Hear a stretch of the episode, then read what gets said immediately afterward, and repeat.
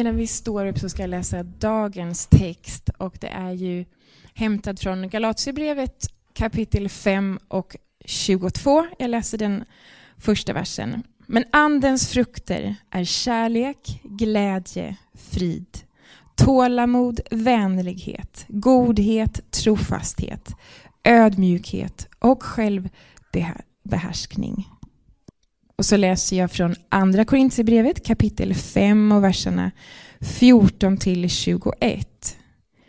Kristi kärlek lämnar mig inget val, ty jag har förstått att om en har dött för alla, då har alla dött.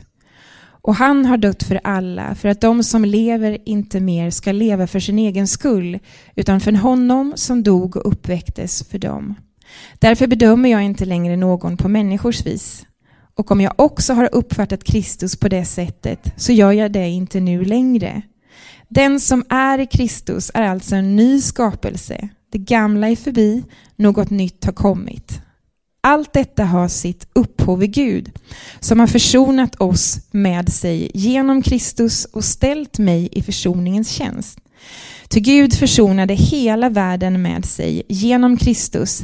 Han ställde inte människorna till svars för deras överträdelser och han anförtrodde mig budskapet om denna försoning. Jag är alltså Kristi sändebud och Gud manar er genom mig. Jag ber er på Kristi vägnar, låt försona er med Gud. Han som inte visste vad synd var, honom gjorde Gud till ett med synden, för vår skull, för att vi genom honom skulle bli till ett med Guds rättfärdighet. Det här är Guds ord till oss idag. Välkomna och sitt och varmt välkommen fram Viktor Lidström. Ni kan tycka att det var roligt att jag skulle prata om vänlighet. Då ska ni betänka att Linus ska prata om ödmjukhet. Jonte ska prata om självbehärskning. Och Brad har redan pratat om glädje. Ja, ni förstår ju. Det är ju den som, den som bestämde vem som skulle liksom predika i den här serien, den tänkte så här, de ska få det som de inte kan liksom så. Men då tänkte jag så här sen, för, för den tanken får genom huvudet, men sen tänkte jag så här, det är nog inte så, för då hade jag inte fått vara med överhuvudtaget, misstänker jag. Eh, så att eh, så att jag är ändå glad att jag får vara med och prata om vänlighet så, och så. Eh, så är det. Hörni, eh, om vi skulle be en eh, medelstockholmare beskriva, vad kristna, eh, beskriva kristna människor, vad skulle vi få för svar då? Hur lång tid skulle det ta innan ordet vänlig dök upp i den här beskrivningen? Om vi adderade typ frikyrkligt kristna, skulle det gå snabbare eller saktare? Alltså risken tror jag är att du skulle få motsatt svar, typ något i stil med fördomsfull eller intolerant. Det finns ett antal andra eh, liksom, tråkiga, vi behöver inte gå, gå djupt där, utan bara konstatera, det är inte alltid som eh, det bara kommer ut ren och god vänlighet. Det är så, det är så konstigt. Och en första fråga man vill ställa sig till det, det är ju liksom hur kan det här budskapet om nåd och kärlek, glädje, frid, tå, hej och hå, ni hörde ju allt detta. Hur kan det bli att, att det liksom antingen misstolkas eller kanske rent av misskommuniceras på ett sådant sätt att människor inte uppfattar det som det liksom var tänkt. Varför upplevs inte kristna som riktigt, riktigt vänliga människor? Kanske helst av allt mer vänliga än andra människor. Om vi nu skulle göra liksom eh, nästa sån här lilla övning eh, och beskriva oss själva.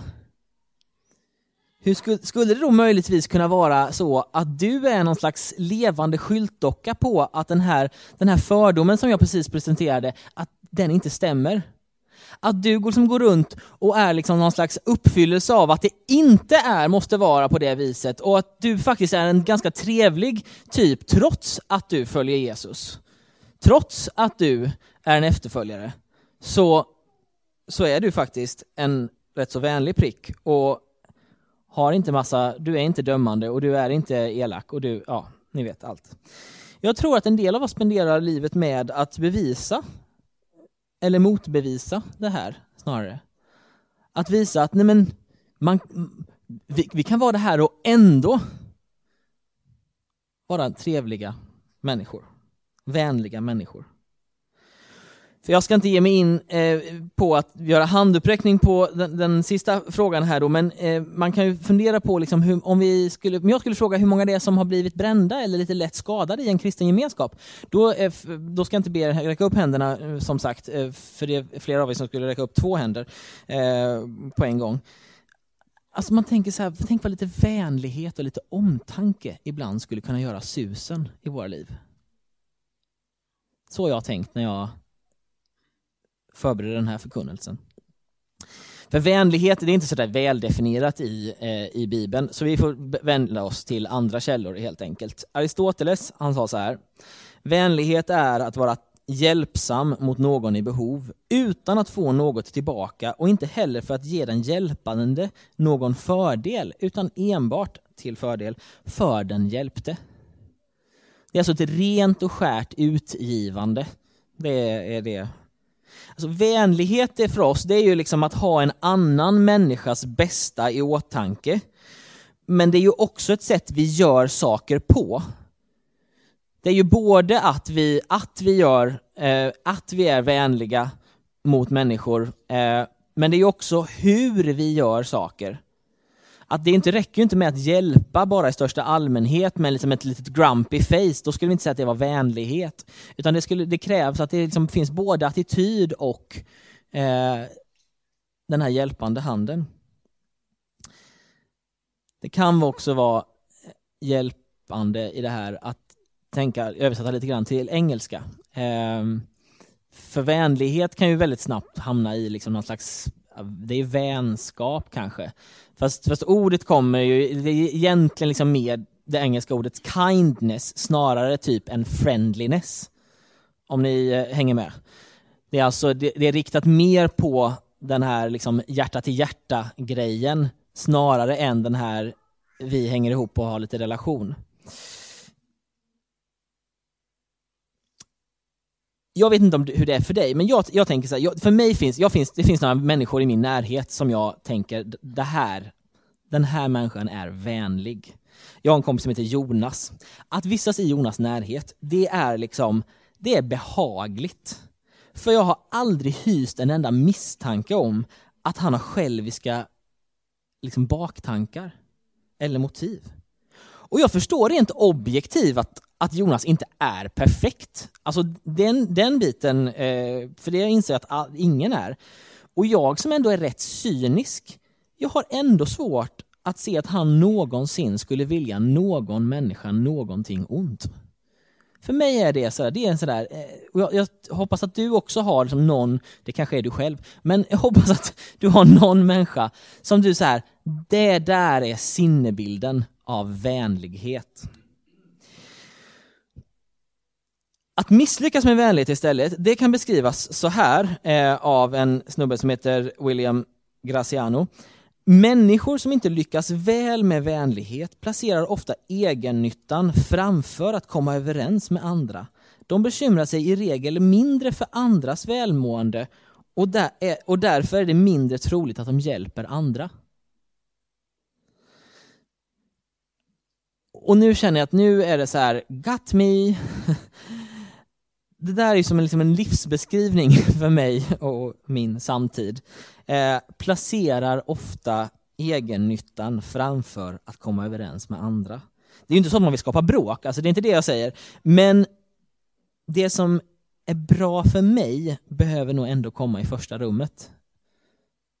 Så tror jag att det är. Jag brukar använda, eh, och det här är ju när, vi nu, när jag nu har klämt ur med Aristoteles och den här eh, liksom, socialpsykologen från USA, Graciano, så, eh, så ska vi citera en, eh, en icke-verklig eh, men högst eh, liksom, påtaglig karaktär, Samantha Jones. Eh, för de av er som vet vad det är, Sex and the City, en eh, serie som jag inte har sett, men jag har sett en film. Eh, precis, John Ted, du vet. Eh, I'm gonna say the one thing you aren't supposed to say. I love you, but I love me more. I've been in a relationship with myself for 49 years and that's the one I need to work on now. Jag tycker det här, för mig är det här, alltså det här är ju en, alltså, Samantha är ju en extrem karaktär som är skapad liksom för att vara kanske, liksom så här, kanske en av tv-historiens liksom mest sexualfokuserade och vulgära personer som liksom i, fullt ut i allt är liksom eh, manlig. Eh, det var ett citattecken för er som lyssnade eh, på annat håll. Eh, som verkligen liksom exploaterar eh, sig själv, sin kropp och liksom andra människor fullt fokus på eh, njutning. Men det komiska är ju att det här, visst det är ju en extrem, fast samtidigt så är det ju liksom, vi, vi drivs ju var och en, du och jag, av just detta. Av mig, mig själv, jag, hela tiden. Om vi nu då i den här serien pratar om att formas av Kristi karaktär och bära samma frukter i våra liv som Jesus själv gjorde, hur ska vi då göra? Alltså hur blir man vänlig så som Kristus var vänlig? Och det är ju enkelt tänker man då. Man lyssnar ju på en predikan som den här och så försöker man så gott man kan och så kraschlandar man och så vips är det löst. Nej det är ju inte så, utan det här kännetecknet, den här frukten eller karaktären eller vad vi nu, eh, och den kommer ju till oss på samma eh, infernaliskt tråkiga sätt som allt annat. Som alla andra personlighetsdrag gör. Det liksom växer sakta fram. Och oftast på grund av att vi vistas i, i olika människors närhet. Som påverkar oss och drar fram saker ur oss och som slipar på oss. Ni vet ju Eh, förmodligen att ni, de flesta av er är rätt så lika era föräldrar. Eller hur? Eh, en del av oss spenderar hela våra liv med att försöka inte vara så, eh, lika dem. Eh, och sådär. Och vi liksom ser ändå att det finns stor differens. Liksom. Men ju äldre vi blir, ju of, ofta tror jag, eh, i alla fall att det är så, att man oftare och oftare inser ja, så där gör min pappa. Eh, så där gör min mamma. Vi är otroligt präglade av människor som har stått oss väldigt, väldigt nära. Och ni vet ju liksom också att era vänner eh, liksom påverkar er i olika riktningar och, och eh, när en, en kompis har ett intresse, ja då, då är det inte helt ovanligt att du också plockar upp ett liknande intresse. Eh, och, och det skulle vara intressant att veta hur många det är som egentligen tycker om fotboll till exempel, en sån här en sport som är helt ointressant egentligen. Men liksom, det måste ju funnits någon i början som tyckte att det här var intressant och sen har alla hakat på. Så tänker jag. Nej men, eh, sorry. Eh, hur, alltså, tänk, tänk på hur föräldrar är så vansinnigt rädda för att deras barn ska hamna i fel umgänge. Varför då? Därför att vi vet att vi blir som vi umgås. Och låt mig då, innan vi går in i textutläggningen av dagens text, eh, vända till två stycken episoder i evangelierna. En som Jesus, eh, där som berättar om Jesus och en som Jesus själv berättar. För att liksom bekanta oss med den vänlighet som han lever med och den, det han ser när, han, när vänlighet liksom ångar ut ur hans liv. Följ med till Markus 14, 3-9. Medan han var i Betania och låg till bords hemma hos eh, Simon den spetälske kom en kvinna med en dy flaska dyrbar äkta nar eh, nardusbalsam. Hon bröt upp flaskan och hällde ut allt sammans över hans huvud. Några blev förargade och sade till varandra, vilket slöseri med balsam. För den oljan hade vi ju kunnat, kunnat få mer än 300 denarer att ge åt de fattiga. Och de grälade på henne. Men Jesus sa, låt henne vara. Varför gör ni henne ledsen? Hon har gjort en god gärning mot mig, de fattiga har ni alltid hos er och dem kan ni göra gott mot när ni vill. Men mig har ni inte alltid. Hon har gjort vad hon kunde. I förväg har hon eh, sörjt för min kropp eh, för att min kropp blev smord till begravningen. Sannerligen, överallt i världen där evangeliet förkunnas ska man också berätta om vad hon gjorde och komma ihåg henne. Och här är vi 2000 år senare och berättar om henne i alla fall. Eh, så det gick ju i uppfyllelse. Lukas också då, 10, 30-37, en ganska välkänd berättelse.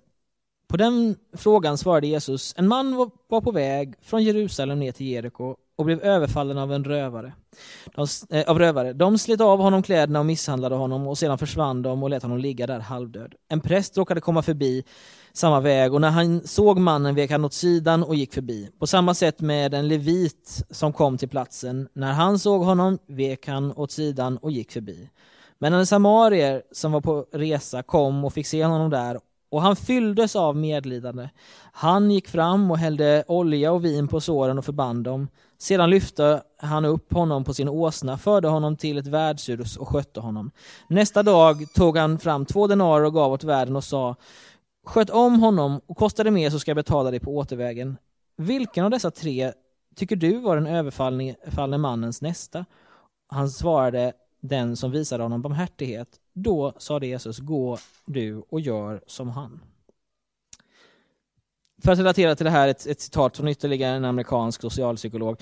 Personer med hög vänlighetsfaktor är gillade. De gillar personer som inte andra tycker förtjänar att bli gillade. Känn på den. De gillar personer som andra inte tycker förtjänar att bli gillade. Alltså kan det vara mer mitt i prick, tänker jag. Det här det är precis vad Jesus gör. Han gillar dem som andra inte anser förtjänar att bli gillade. Precis som den här kvinnan i Simons hus så, så ställer sig Jesus, liksom, och det här återkommer ju, liksom, det här är ju en av, de, en av de sakerna som gör att vi är så fascinerade av, av Jesus som person. För att han liksom, det tycks som att han, han klarar av att i varje given situation liksom analysera läget och inte slitas med i traditionen som säger här kommer en kvinna och gör fel, låt oss liksom spott och spe på henne. Eller här kommer en eh, människa, bort med dem. Eller, ja men jag kan fortsätta dagen lång. Det är någonting som gör att vi liksom blir så otroligt fascinerade av det här och det är ju att han, han klarar av liksom att, att liksom vända sig och, och ställa sig på den människan som inte är gillad i läget och vara en gillare till den människan. Och på samma sätt i den här berättelsen, så det är exakt samma sak. Och, och liksom den här prästen, det, det var en, liksom en människa som eh, hade, tjänstgör, hade tjänstgöring i templet. Leviten var liksom ett prästsläkte i det dåtida Israel. Och då kommer den här samarien som är liksom, och, och det finns ingen jättebra liknelse i, idag som vi kan vända oss till, men, men liksom en synkretistisk religion som hade blandat judendom med lite annat liksom, eh, och som för övrigt finns fortfarande idag. Eh, spännande. Eh, men de var ju liksom avskydda något så vansinnigt av judarna. Och, och liksom i det här läget så visar Jesus igen liksom att, att det han tycker är bra, det är att vara gillare av den som ingen annan gillar. Och att bryta med det mönstret, det vill säga att gilla den här personen mer än man hatar dess grupptillhörighet, det är sant kristet, sant Jesuslikt. Att inte liksom väga in alla saker som finns runt omkring utan klara av att se till individen.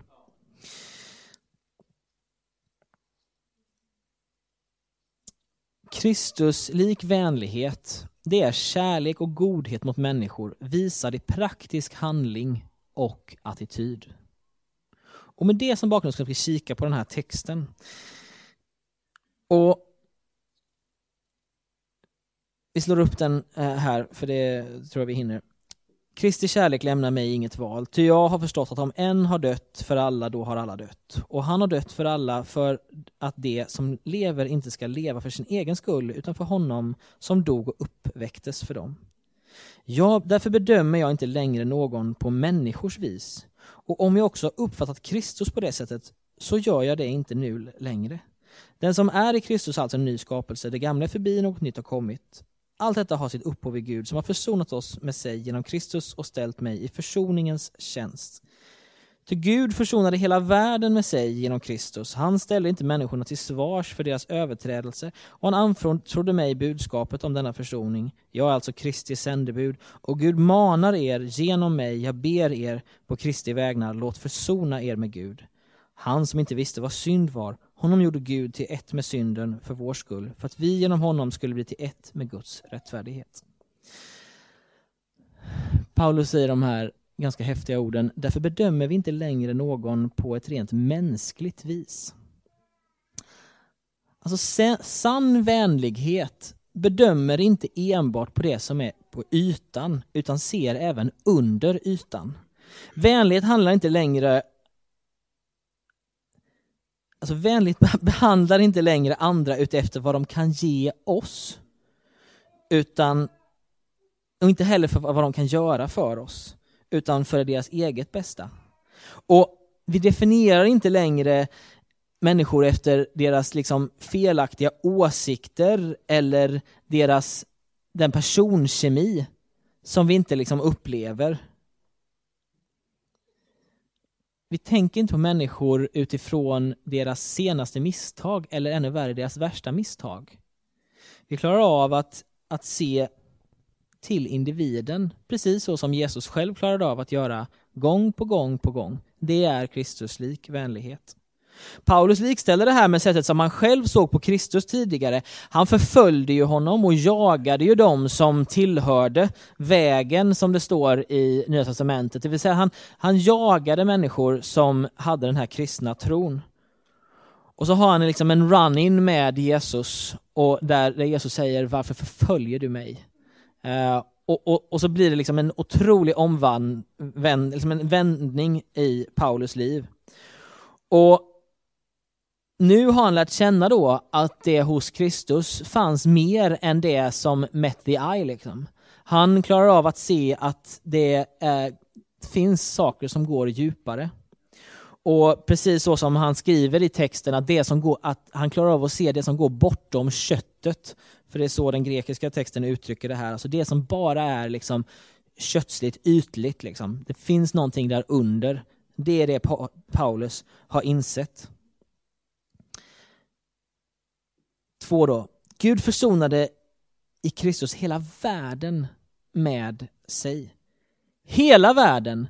Allt! Ingenting finns som Gud inte har utvalt till försoning. Det gör liksom att varje människa nu är utvald av Gud till försoning. Gud valde att inte, inte att ställa människor till svars för deras överträdelse och genom kyrkan så manar han hela mänskligheten, låt försona er med Gud. Tänk att varje människa som är gjord till Guds avbild, att varje människa som är utvald till försoning, att Jesus i Matteus evangeliet säger så här, vad ni har gjort mot en av dessa mina minsta, det har ni också gjort mot mig. Det om något, tänker jag, borde vara bränsle för vänlighet. Om vi visste att varje människa vi möter och, och, och, nu vill jag verkligen säga varje människa. Inte bara så här de som du möter här i, i, i kyrkan och tycker det är trevligt att prata med. Inte bara de som du liksom har på din avdelning. Utan också receptionisten som du bara passerar dag in och dag ut. Också barnet som går i din klass, som är stökigt och bråkigt. Också tiggaren som du går förbi. Också städerskan som finns på ditt jobb, din skola eller någon annanstans i ditt hem. Alla människor. Och jag tänker att om Jesus säger så, om, om att vad du har gjort mot dessa, den, en av dessa mina minsta. Om, om Paulus säger att liksom, Gud har försonat hela världen med sig, allt. Ja, men det om något borde vara bränsle för vänlighet, tänker jag. Inte bara sån där ytlig vänlighet, inte bara den här som är liksom eh, glad, check, trevlig, frågar hur det är men inte vill inte egentligen veta svaret. Utan sån här robust och riktig vänlighet som på riktigt söker det bästa för en annan människa som är vänligt inställd till den här personen. Min sista punkt. Gud har ställt oss i försoningens tjänst. Gud har valt att låta använda människor för att göra hans verk och representera honom. Eftersom att du förmodligen inte hörde det där så säger jag det en gång till.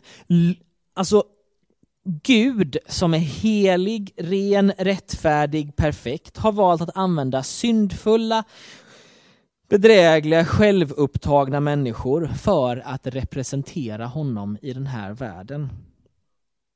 Alltså det här är, tänker jag, ett av Bibelns mer extraordinära budskap och det återkommer frekvent. Och jag tänker liksom två tankar. Gud måste vara galen. Alltså, vill han att vi ska misslyckas? Är min liksom spontana känsla. Eh, eller har han ingen aning om hur det är ställt med oss? Alltså det är, det är mina spontant sådär. Min nästa känsla är crap, det här är ett stört stort uppdrag. Och vi borde nog liksom skaka av nervositet inför att Gud tänker att om människor nu ska träffa honom, ja då ska han göra det genom hans folk, kyrkan. Människor som bär hans namn. Alltså tänk om det verkligen är så att Gud har liksom satt sitt rykte på spel här i världen genom att anförtro och lita på att du och jag kommer visa människor vänlighet. Kristuslik vänlighet. Det är ett ganska, om jag ska vara lite ärlig då, betungande uppdrag känns det som. Och det är självklart så att, att vi genom liksom församling, genom goda vänner, en connect till exempel, blir rustade för att ta del i det här uppdraget. Vänligheten är ju, det är verkligen ett tydligt karaktärsdrag hos Jesus. Inte så att han aldrig brusar upp. För, för det händer ju, det, det vet ni, i, liksom, gång på gång. Han blir, blir ledsen för saker, han blir vansinnig i templet. Alltså det finns massa grejer. Som, så det är inte bara en så här rek och snubbe som liksom så här är lite zen. Det är inte det som är den här vänligheten, tror inte jag. Utan den här vänligheten, det är liksom att det finns en djupt rotad respekt för alla människor och en vilja som verkligen vill människor väl.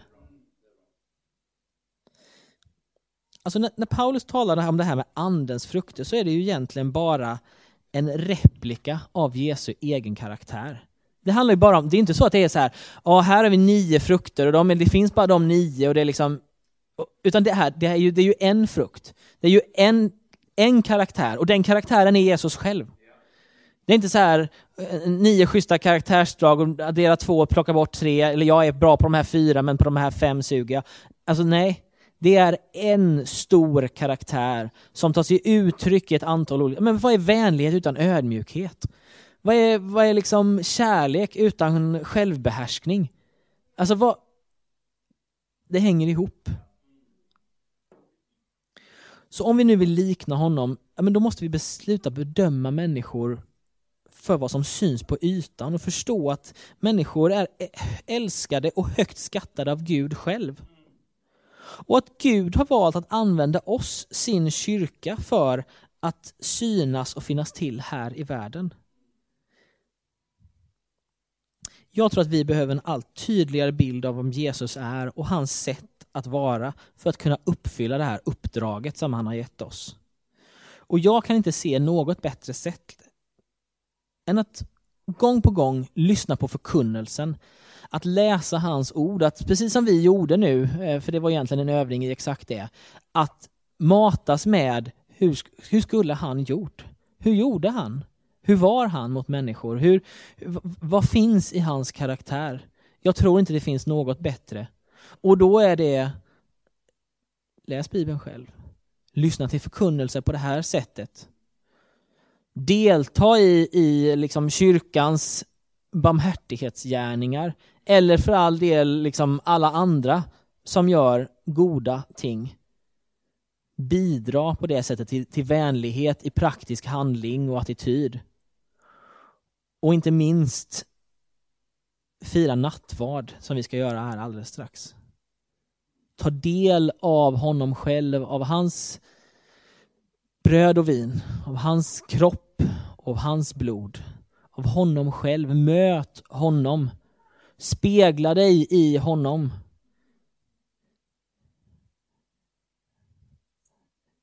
Det är tack och lov inte eh, 70-tal så det är okej att prata om ikoner men liksom det är ju liksom själva sinnebilden av liksom en ikon. Att titta på den och se Jesus och spegla sig i den här, se honom men också se mig själv.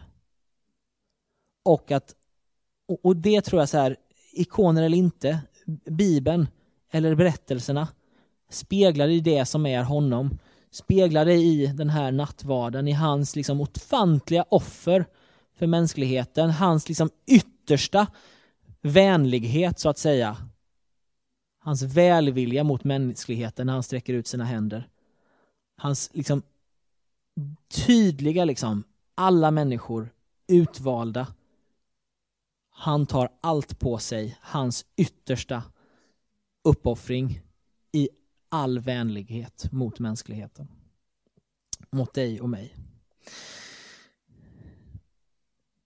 Vi ska be tillsammans.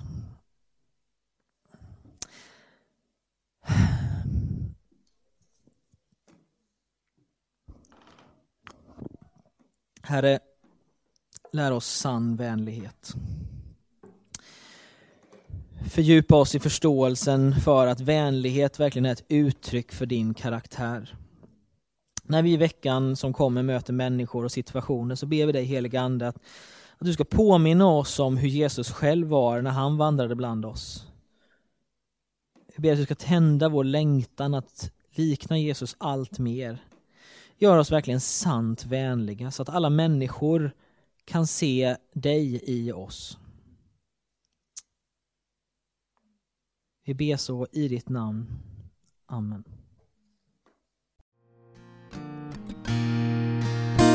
Det här är inte åtta veckor vi har av moralpredikan så vi ska må riktigt, riktigt dåligt när vi går härifrån och känner att det här är helt, helt omöjligt.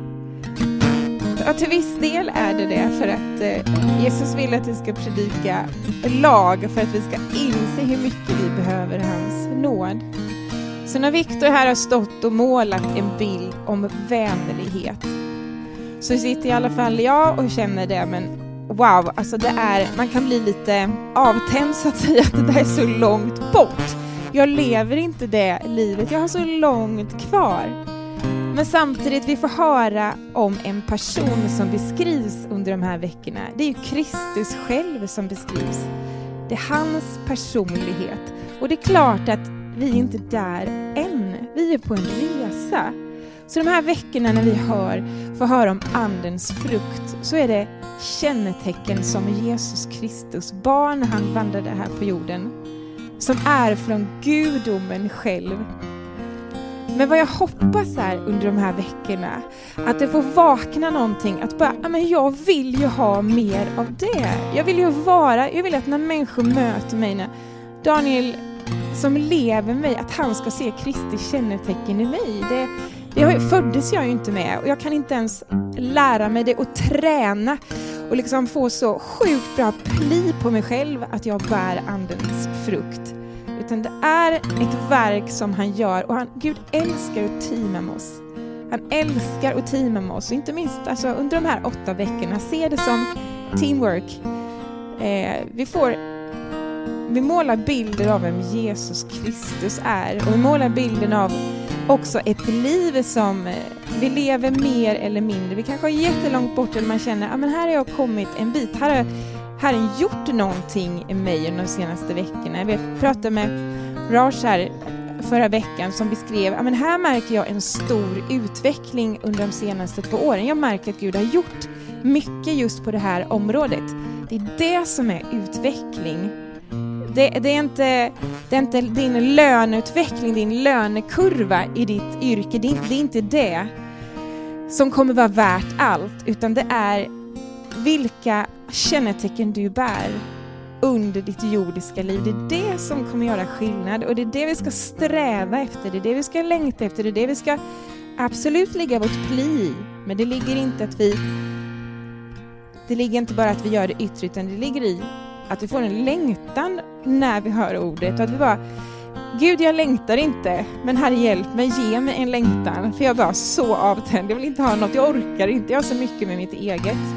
Utan Herre, gör någonting i mig så jag börjar längta efter att faktiskt bära dina kännetecken. När jag i min familj, i min relation med min partner, eh, på jobbet, i mina studier, där faktiskt dina kännetecken, när jag har blivit bara mer och mer märkt av dig, man ser att jag bär dina kännetecken. Mer och mer blir faktiskt Kristus som får träda fram i oss. Det är därför vi är på den här resan tillsammans. Det är ingen moralpredikan utan vi talar om ett Guds verk som vi bara längtar efter att Gud ska göra mer och mer i oss.